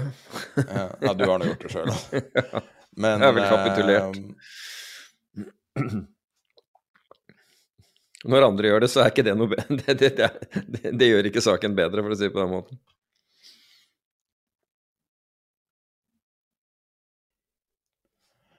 Nei, eh, det er eh, Det er en spesiell situasjon. Det er jo opp til hver enkelt å dømme. og Jeg føler at jeg ikke gjorde justice i det hele tatt, for det er så mye teknisk jeg skulle gå gjennom nå. Men um, det er jo viktig å Jeg blir jo selvfølgelig å linke til det her blogginnlegget i uh, nyhetsbrevet, så kan du lese det i sin helhet. Uh, og, gå i, og der er det masse, masse linker, så du kan gå i detaljer. Men um, Vi kan jo gå til det som gjør eh, bitcoin spesielt og interessant i dag. Um, og det er jo at SECs eh, Hva heter det for noe? Eh, tidsfrist går ut på å godkjenne um, fond, noen fond gjelder det, og jeg skal fortelle hva, hva de handler om. Uh, noen fond som da har bitcoin i dag, den, den, den fristen går ut. Og det er de fondene som istedenfor å eie bitcoin, om du vil, fysisk, altså du kan ikke akkurat kalle det Du må nesten kalle det elektronisk, tenker jeg. Um, eier, eier bitcoin gjennom future-kontrakt. Og hva er forskjellen? Jo, um, for det første så en future-kontrakt eh, handles da Disse future-kontraktene det er snakk om, handler på allerede regulerte børser, slik at de, der fins et clearinghus for oppgjør. Men du vil ikke, altså hvis du kjøper uh, future-kontrakt på bitcoin, så vil du ikke ved, når den kontrakten forfaller, få oppgjør i bitcoin. Du får oppgjør på en differansepris, altså med andre ord, man tar en ref referanse av prisen på da fysiske bitcoin, igjen disse elektroniske, for å si det på den måten, på jeg tror det er tre eller fire børser, og så tar man gjennomsnittet av de som og kaller det da referansen. Og så får du oppgjør i forhold til den. Så hvis du er long bitcoin, uh, f.eks. har kjøpt de på 59 000 og den kontrakten da forfaller på 63 000, så får du da 4000 dollar imellom. Det vil da bli kreditert kontoen din. Så sånn er det det, det foregår. Og forskjellen er jo nettopp dette at det foregår på regulert børs, slik at det er sikkerhetsstillelse og all mulig due diligence rundt dette i, øyeblikket. Og myndighetene har da krav til eh, disse børsene, og det er den største av disse børsene er Chicago Mercantile Exchange. Og, og, så hvorfor er dette viktig? Jo, fordi man mener at det vil da Mange har ventet på disse ETF-ene, og man mener da at store, øh, øh, store institusjonelle investorer vil gå inn i disse ETF-ene. De kunne jo egentlig bare kjøpt future-kontrakter, øh, så jeg vet ikke hvorfor de ikke har gjort det. Men det, det vil gjøre at veldig mange flere institusjonelle investorer, fordi privatpersoner gjør som de vil, Um, men institusjonelle investorer, være seg pensjonskasser og andre, har gjerne krav til at det skal være på regulerte uh, markedsplasser osv., vil da kunne, kunne, kjøpe dette. Altså kunne kjøpe bitcoin. Og det er egentlig det som har dratt, altså fra forrige uke, som har kjørt prisen opp uh, så langt som, som Sverre nevnte i sted, 63 000 dollar. Snakker du om en tredjeperson? Hva sier du? Ja, nå snakket jeg i, i tredjeperson, beklager det. Nå, nå, nå, snakker jeg til lytterne Kan du prøve å snakke med en fjerdeperson? Ja, nå snakker jeg til lytterne som annen person og deg som tredje, beklager. Men i hvert fall Så det er det som er forskjellen, og det forventer man da skal forandre markedet. Og, men dette skjer ikke uten at um, at det er debatt om temaet, fordi mange da mener at prisen på future-kontrakten kommer til å, å divergere kraftig fra prisen på f.eks. ETF-en, eh, eller prisen på virkelig bitcoin. Jeg tror ikke at, den, altså at det avviket mellom future-pris og den virkelige bitcoin vil være så dramatisk eh, eller vil være så dramatiske som enkelte tror. og Årsaken til det er at jeg tror det er tradere der ute, high frequency tradere og andre, som hvis future-kontrakten f.eks. skulle det skulle være så voldsom etterspørsel av future-kontrakten at den stiger vesentlig over det som er naturlig. Altså future-kontrakten handler jo da høyere enn spot bitcoin, altså det du kan kjøpe bitcoin for, med egentlig uh, tiden, til, tiden, til, forfall og den renten du kan få i den, den, perioden. Det er liksom grovt sagt, men det varierer litt. Men hvis dette skulle gå veldig, som vi har sett eksempler på tidligere, så ser man jo at, at da vil du kunne selge den future-kontrakten på børsen, men der må du stille sikkerhet. Så du stiller sikkerhet for den, og så samtidig så går du og kjøper bitcoin. Og så vet du, i hvert fall hvis du gjør det på en av, en av de store regulerte børsene, som disse referansebørsene som, uh, som brukes da ved forfall, så vil du kunne få prisdifferansen mellom mellom da den bitcoinen som du har kjøpt og, og future-kontrakten. Og hvis den skulle falle under, så får du akkurat det, får du det samme. Altså da, uh, altså det, da, da, kjøper du future-kontrakten, og hvis du sitter på bitcoin eller klarer å låne deg bitcoin, så kan du selge den short i forhold helt frem til uh, de, dette til forfallet av den future-kontrakten, eller uh, når du vil egentlig i den perioden. Så jeg tror ikke på de som er mest bekymret for dette. At, uh, men jeg tror at andelen av handelen, og det har vi sett fordi du har sett uh, volumet uh, av bitcoin på Chicago Mercantile Exchange ta seg opp veldig. Jeg tror at andelen av handel, totalandelen av handelen av f.eks. bitcoin, eller Ethereum, men nå er det jo bitcoin det er snakk om først i, det, i denne i, i, denne ETF-en, vil gå da vil, vil gå til den regulerte markedsplassen, så vi vil se mye mer future-handel. og så Markedsandelen til future-markedet øker i forhold til anførselstegn spot-markedet, altså hvis du vil kjøpe for, uh, for, levering. Men det er spennende det som skjer, absolutt. Men det er liksom den store Men omtaler du nå én ETF eller alle ETF-ene? For det er jo masse ETF-er som har blitt annonsert nå i løpet av helga. Ja, ja, det er ikke så, både ja, ETF-er som baserer seg på bitcoin, og ja. bitcoin futures.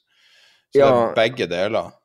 Ja, du, du, kan si at de som, de som, baserer seg på ren bitcoin, det, der har SEC den, der, Det går ikke ut i dag. Det går ut uh, Jeg lurer på om det er så sent som i desember, eller, går, eller muligens neste måned. Akkurat. Den, den, den nyansen har ikke jeg fått med meg. Ja, så det er en nyanse mellom det. Så det er, det er de som baserer seg på futures, som, som nå og da vil jo den ETF-en, den, den må, må, jo da sikre seg. Så hvis folk tegner seg den ETF-en, så må den ETF-en ut og kjøpe future-kontrakter, rett og slett. Og, og, det vil myndighetene kunne følge med på, slik at du får at det er regulert. Og det, det vil være mye tryggere enn markedet har vært til nå. Det har, det har, altså det har vist seg å være ikke trygt i enkelte områder. Det har vært svindlere der ute, men i det store og det hele så har, har, egentlig det altså Hvis du ser bortsett fra de tilfellene som da blir voldsomt slått opp, så har jo markedet fungert mellom de, de mer aktive partene. Og blant annet nå, altså Når man tenker på hvilke aktører er inne i, inne i dette kryptomarkedet, så har du Siste jeg så nå, var, var den australske, eh, altså tilsvarende oljefondet, altså statlig pensjonskassen, 300 milliarder stor, som da er, som, som har begynt å gjøre investeringer i krypto. Så det er ikke altså til slutt, så er, til, til slutt så er det bare norske forvaltere igjen som ikke gjør det, holdt jeg på å si. Men det kan jo hende at norske, noen norske forvaltere gjør det for alt jeg vet. Men Uh, den, det har jo blitt mer og mer, mer, vanlig, og det er kommet til flere og flere på en måte innretninger, altså sånn som future-kontrakter og, og, andre, som, som, har gjort det mulig. Og flere og flere banker har kommet på. Og, men det var morsomt, uh, en, en, til en digresjon, men som har med dette å gjøre, og det var at Kommertsbank sa så sent som i, i februar at de ville ikke dekke bitcoin. Um, og de sa da 'does not consider it to be' to be its responsibility to comment on the price development of a purely speculative investment or to predict it. Det var deres holdning i, i februar i år. I september eh, så, så etablerer de et digitalt analyseteam som da skal dekke bitcoin. Så det tok ikke lenger. altså Alle begynner å bli kommersielle når de er Men du kan jo se på JP Morgan, ikke sant? så ser du jo at ja, ja. Jamie Dimon han sier jo noe personlig som mener at bitcoin er pointless og verdiløst. Da. Men mm. han sier han eksplisitt sier at det er personlig. Banken fortsetter å jobbe med det. Tidligere ja. så har han jo sagt det, også banken ikke jobber med det. Sånn at uh, det er jo mulig at man gjør en sånn uh, at det er en sånn divergens der. Ja, altså du ser jo de, de, store investeringsbankene har jo alle. altså Bank America, JP Morgan som vi, vi nå snakker om, Goldman, Morgan Stanley. Alle på en måte har, er, girer seg opp for dette her. da. Og du kan si at de har jo allerede future-desker som dekker da dette future-markedet på CME. Så i kraft av det så er, er det også mulig å gjøre det gjennom dem. Men tror du det går an å, å liksom å hvis man tar i bruk litt sånne metoder fra Sun, uh, Sun Tzu eller noe sånt, at man er, det vi ser nå, er det litt sånn uh, lansering av ETF-en, er det litt sånn uh, røyken som, uh, som, hinter om toppen i, denne gangen i, i bitcoin, ref at når Future ble lansert, så toppa det forrige gang? Altså Det kan jo være. altså Det du så forrige gang, som du, du påpeker, det var jo at det, det ble solgt ned da futuren ble Eh, ble annonsert, fordi det var det første stedet, altså det første regulerte markedet hvor du egentlig kunne gå short. Og det var på en måte lett å gå short. Og det du så mm. var Men det betyr ikke at det skal falle fordi at noen går short. Altså, du får jo ikke et negativt press på en aksje med at noen shorter det. jo, hvis, jo, altså for, for det som skjer er at marketmaker som da får det, er nødt til å snu seg for å ikke bli sittende på dette. Så må jo marketmakeren ut og selge. Så du får et salgspress. Du, du, får, altså, du får, et økt tilbud hvis folk uh, ønsker å gå short. Akkurat som du får et økt, økt etterspørsel når nye kommer inn i markedet og, og, vil gå long. Men Hvordan vil det funke med bitcoin? De går ut og selger Hvordan går det an? Altså, de selger de bitcoinene de har, for du kan jo ikke selge siden det ikke finnes altså underliggende skjønner Jo, du, altså, du, du får lånt. Okay. I det profesjonelle ja, markedet, det, okay. ja, det ja, i det prof profesjonelle markedet så, så får du lånt. Um, det var en Jeg må bare si at men som du sier, altså det er ingenting er sikker, sikkert i dette her. Og, jeg, og uh, The Economist skrev um, De skrev da 'The bursting of the Bitcoin bubble'. Det er jo bra at de, de, gjorde. Dette var da i 2011, og da var bitcoin på fem dollar. Ja, men det var jo da Det jo, det, jo altså det du snakker om da, er jo når han tok livet av seg. Det er, ja, det er akkurat da. Men, men, men, men altså, jeg ville bare tilbake til liksom, de som predikerte uh, Og dette var The Economist som da predikerte at nå, nå sprakk boblen. Um, og da Men Economist er jo alltid på feil side. Altså, altså ja, 62 990 dollar senere, så så, så, så, ser du litt så, var, så, skjønner du at ikke det var så, det var så intelligent. Men så i hvert fall bitcoin går litt i en ny Syns du det er uintelligent å ta feil bare fordi at noe stiger? Dette er en ting som plager meg. Nei, det, det, det er ikke, ikke i det hele tatt. Nei, men, det er ikke det, bare men... et sånt resonnement. For det her er en sånn ting som vi kommer tilbake til, som problemstilling vi kommer tilbake til hele tida. Så er det det Hvis man gjetter riktig, la, la, oss bare si at, at bitcoin har ingenting med underliggende verdier å gjøre. Det finnes ingen måte å beregne en, eh, en realverdi av bitcoin. Ja, du kan jo helt sikkert gjøre det noe av teknologien. OK, men eh, Og kryptografien. Altså, du, ikke på samme måte som du kan med f.eks. olje, der du har masse måter å regne på verdien. Du har med nei, det, nei, det kan output, være, men, og du men, har med jobber Men det gjelder jo egentlig for alle teknologiselskaper. Så, så verdsetter du jo teknologien deres. Ja, men da kan du verdsette den i forbindelse med hvor mye de kan selge, f.eks. Altså, det finnes alltid noe basert ja, ja. på virkeligheten. Mens bitcoin lever jo litt i et vakuum. Men det jeg lurer på da, er man dum fordi at man sier at 'jeg tror bitcoin er null verd', og så stiger bitcoin? Er man da dum for man sa det, annet enn at man burde kanskje ikke si sånne ting? Det er jo helt separat fra det. Men er man dum fordi man tar feil? For det ser jeg veldig ofte at blir henvist til at Ja. ja, ja, nå ser jeg jo at, at man hadde rett på bitcoin, og man hadde rett på F.eks. nå, altså Elon Musk Ja. er jo soleklart verdens rikeste nå. og og, men altså når man begynner å, å se på grunnlaget for kritikken mot han, så er det jo Mm. ingenting som har utspilt seg der. Og grunnlaget for kritikken av bitcoin, så har ikke det utspilt seg, det er ikke ferdig. Så det er det som Og, og, det er heller ikke, eh, og det er heller ikke teknologien, for det utvikles jo Nei. hele tiden nye ting. Uh, men, men altså, nei, altså Jeg tror veldig mange uh, trekker den konklusjonen at, ja, det, ja, at du er dum hvis du, hvis du, hvis du tar feil i noe. Uh, men det er, det er på en måte en sånn kognitiv glipp som man har, som man umiddelbart jeg, jeg tror det er forankret i, i mer i emosjonelle faktorer enn en intellektuelle faktorer, for å si det på den måten. Um, Det er derfor jeg spør deg, liksom, altså.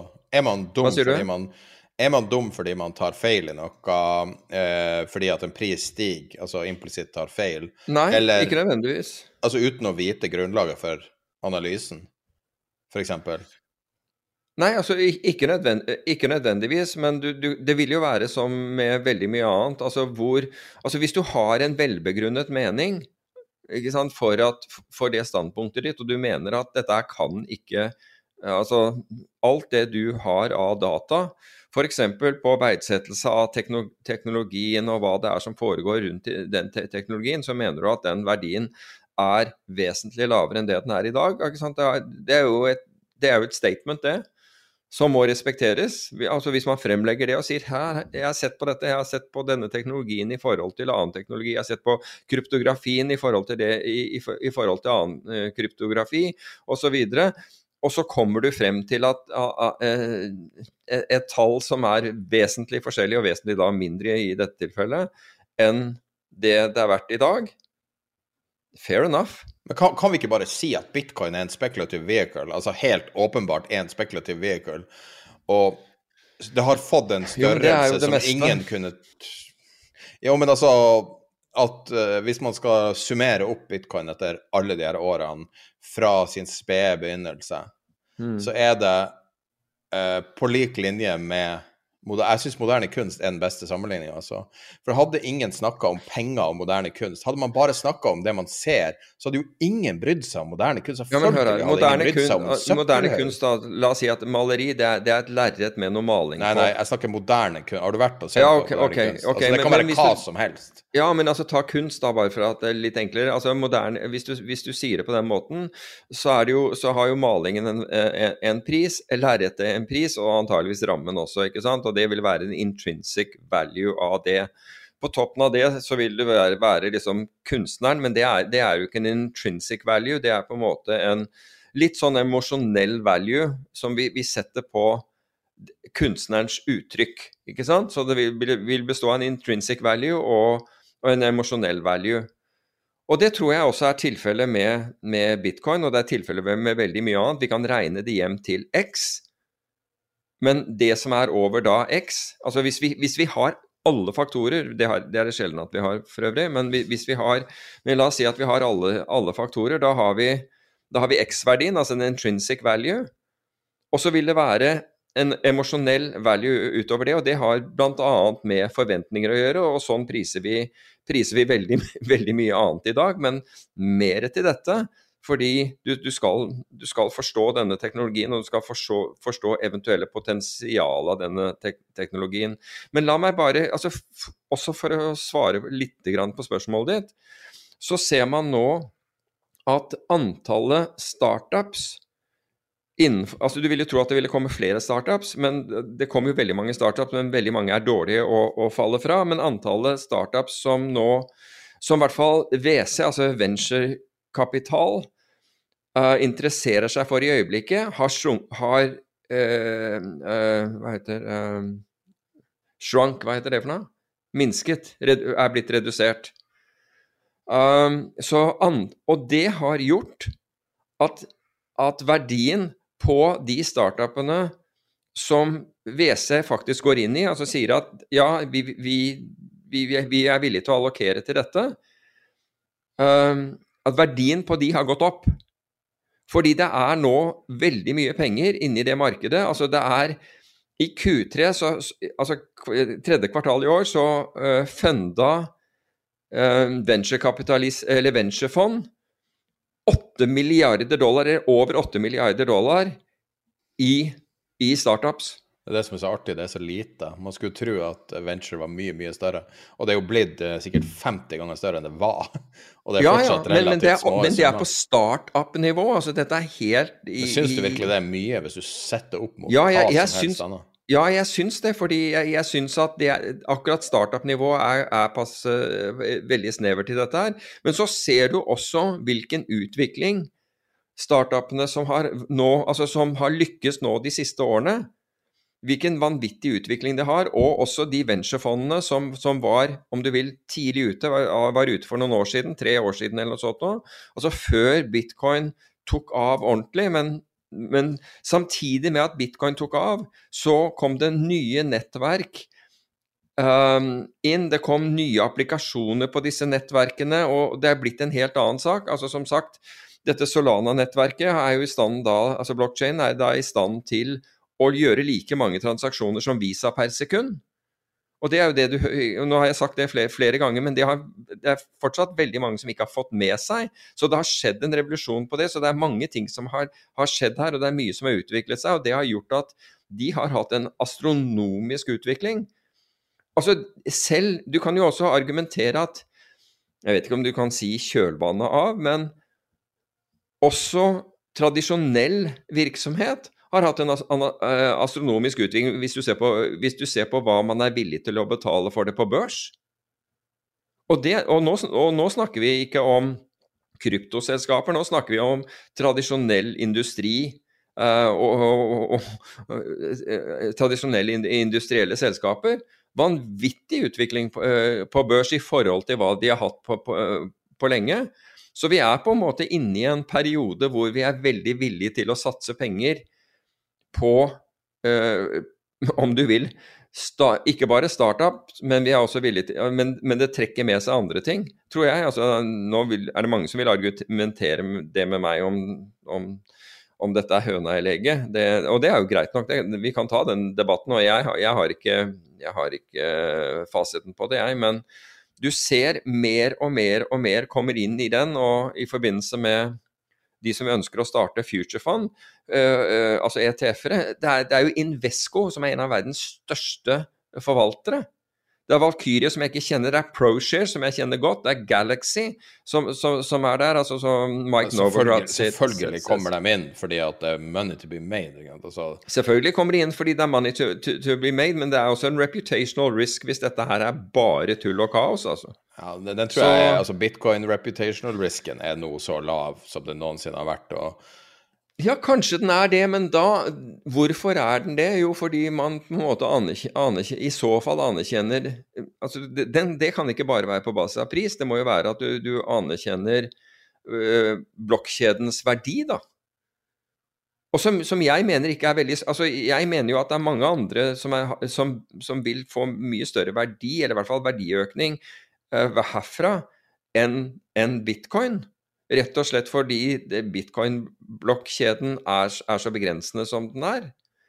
Men, eh, men jeg kan ta fullstendig feil av det når det kommer nå susende inn nye, eh, nye aktører inn for, for, å, for å kjøpe bitcoin. Hva vet jeg? Men, men en måte, rapporterer vi litt fra det som faktisk foregår i denne eh, kryptoverden på et litt sånn overordnet nivå. Men, på, men samtidig så det, vil det være veldig spennende å følge med nå hvordan hvordan, denne, hvordan future-kontrakten kommer, eh, kommer til å oppføre seg. fordi det forteller jo også litt om hvordan bitcoin kommer til å oppføre seg, for å si det på den måten.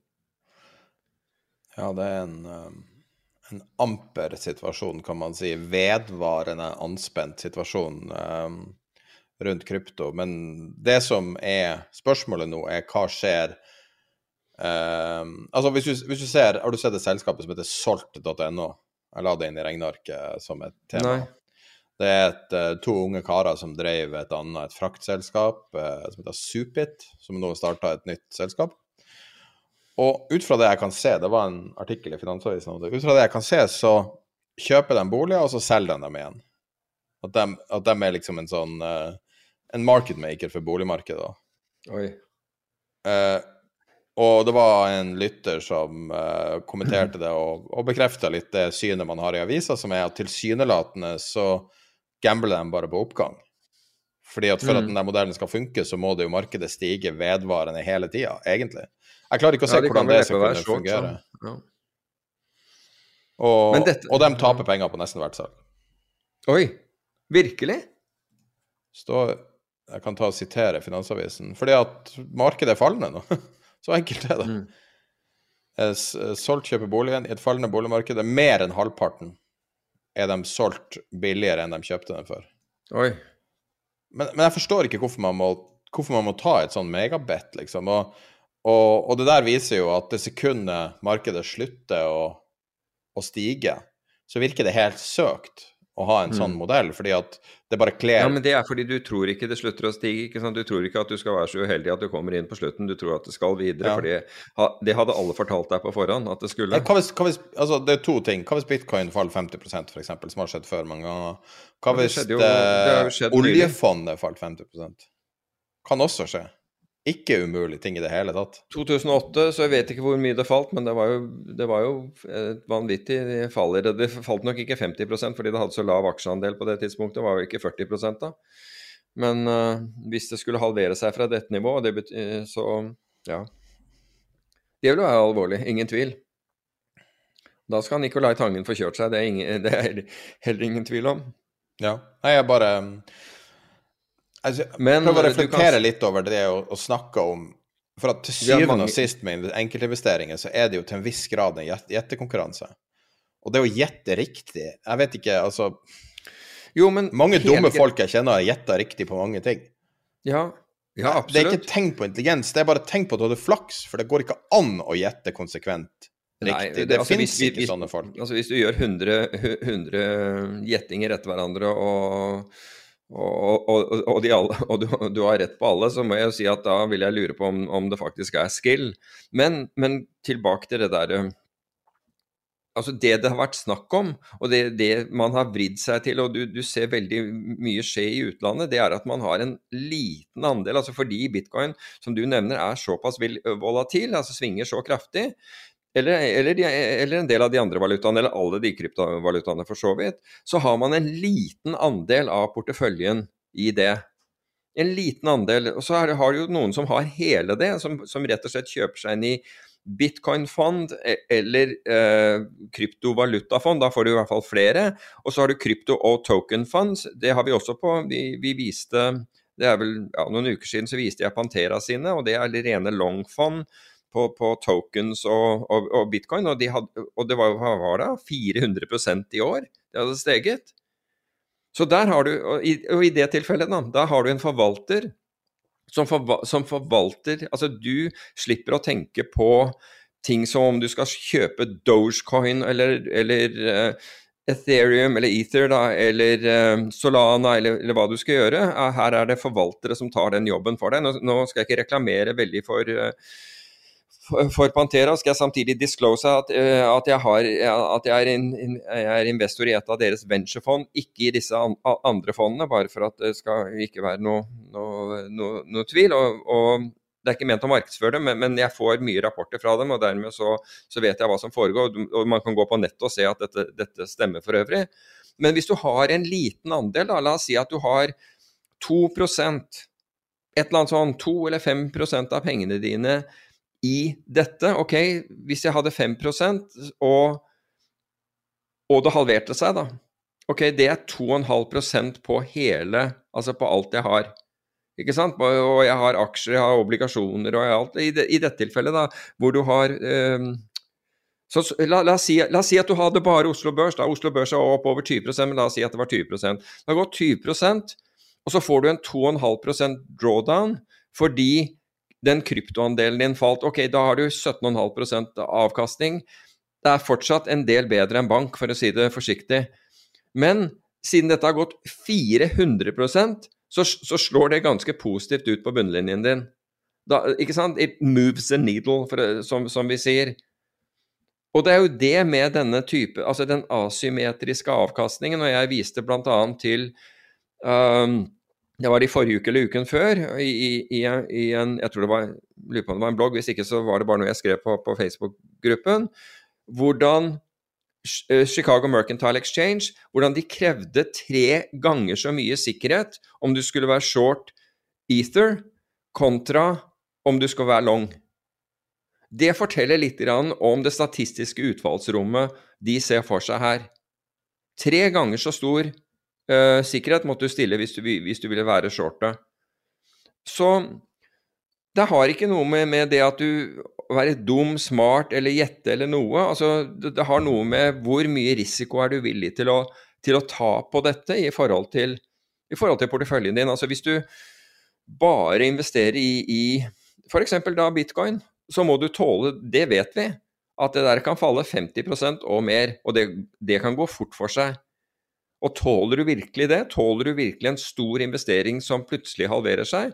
tror ikke det. Altså, de fleste gjør ikke det. De vil antageligvis bli klemt ut på, i nærheten av, av, bunnen av det. I, I, total fortvilelse og at det ikke an å tape penger så fort. Um, men hvis du har en andel som, som, som faktisk altså, reduserer, som tåler dette her, så er det en helt annen sak. Så altså, jeg er ikke noe sånn bitcoin-fanboy, og jeg må ikke oppfattes som det i det hele tatt, men, men, jeg ser muligheter av denne nye teknologien, og, sett, og det, har vært mye større muligheter enn jeg kunne se for meg, um, som har utviklet seg bl.a. Av, av, av, selskaper som har gått inn for Som har sett på, på disse ulike blokkjedene og finner ut at de kan lage applikasjoner uh, som br bruker disse blokkjedene og gjør de kommersielle, og gjør de da mer verdifulle. Um, og, og, så, og, det har gått mye fortere, og, og, oppfinnsomheten har vært mye større enn det jeg kunne tenke meg. Og så har har du andre ting som har øh, Det var en av disse børsene, og den trodde jeg jeg, jeg skjønner ikke hvorfor man skal komme opp med så utrolig mange børser, men det var en børs som jeg ikke nå husker navnet på i farten. Men den syns jeg egentlig har bare feilet. Men de klarte å og jeg tror de fusjonerte med et annet selskap hvor, hvor, man, hvor man, byttet, uh, byttet aksjer, uh, og, og, dermed er blitt, uh, og dermed er blitt lønnsom. Så søken etter disse, disse, selskapene har økt, så det er flere om beinet nå. Og det i seg selv skulle tilsi at antageligvis Uh, avkastning. fordi Hvis flere søker etter det, så blir prisen høyere. Og hvis pri prisen blir høyere, så kan du regne med at avkastningen din også blir noe lavere. Og det er en sak som begynner å bekymre meg. Jeg, jeg er vel på mer høstesiden enn jeg er på så-siden. I hvert fall i, i, mange av disse selskapene. Vi, Men uh, Nå har vi jo gått uh et kvarter lenger enn vi hadde tenkt å gå. Uh, vi kan jo avrunde ja, hvis du har lyst Vi ganske mye lenger på, på den uh... Ja, men vi, vi, kan jo avrunde med å, uh, at du kanskje forteller Du har vel gjort noen endringer, har du ikke det siden det siste? Vil du snakke om det? Hva da, tenker du for min egen del? Ja. Ja, altså jeg har, ja, jeg har ytterligere redusert meg i, i, i, i bitcoin. Så sent som i går, bare, bare så det er sagt. Men, men det henger sammen med at Eh, det, eh, det, fondet eh, som jeg er investert i, har steget så mye i verdi at, at du får en uforholdsmessig stor andel av verdiene dine blir plutselig lenket til, um, lenket til krypto.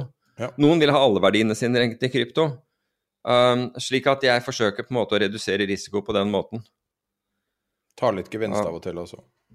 Ja, ja, nettopp. Altså rett og slett gevinsttaking på den måten. Og det reduserer også risikoen på, øh, på det man har igjen. Men uh, da tror jeg kanskje vi flytter en del av de temaene til neste uke. Vi har en del sånne småting vi kunne ha tatt, med mindre det er noe du aldri akutt vil ta denne episoden. Jeg vet ikke. altså det, disse, Dette med de fondene det, altså det ene fondet er jo ute og henter penger nå, så det er på en måte interessant i seg selv. Ja, da kan vi ta, men siden vi har tenkt at vi har gått så lenge. Um, er det jeg... tema tre? Ja, det er i tilfelle tre, tema tre. Vi, vi, kan, uh, vi, kan, hoppe over den. Jeg kan bare nevne altså På tema tre så har, vi, så har vi fond, og det er jo egentlig hedgefond vi vil omtale.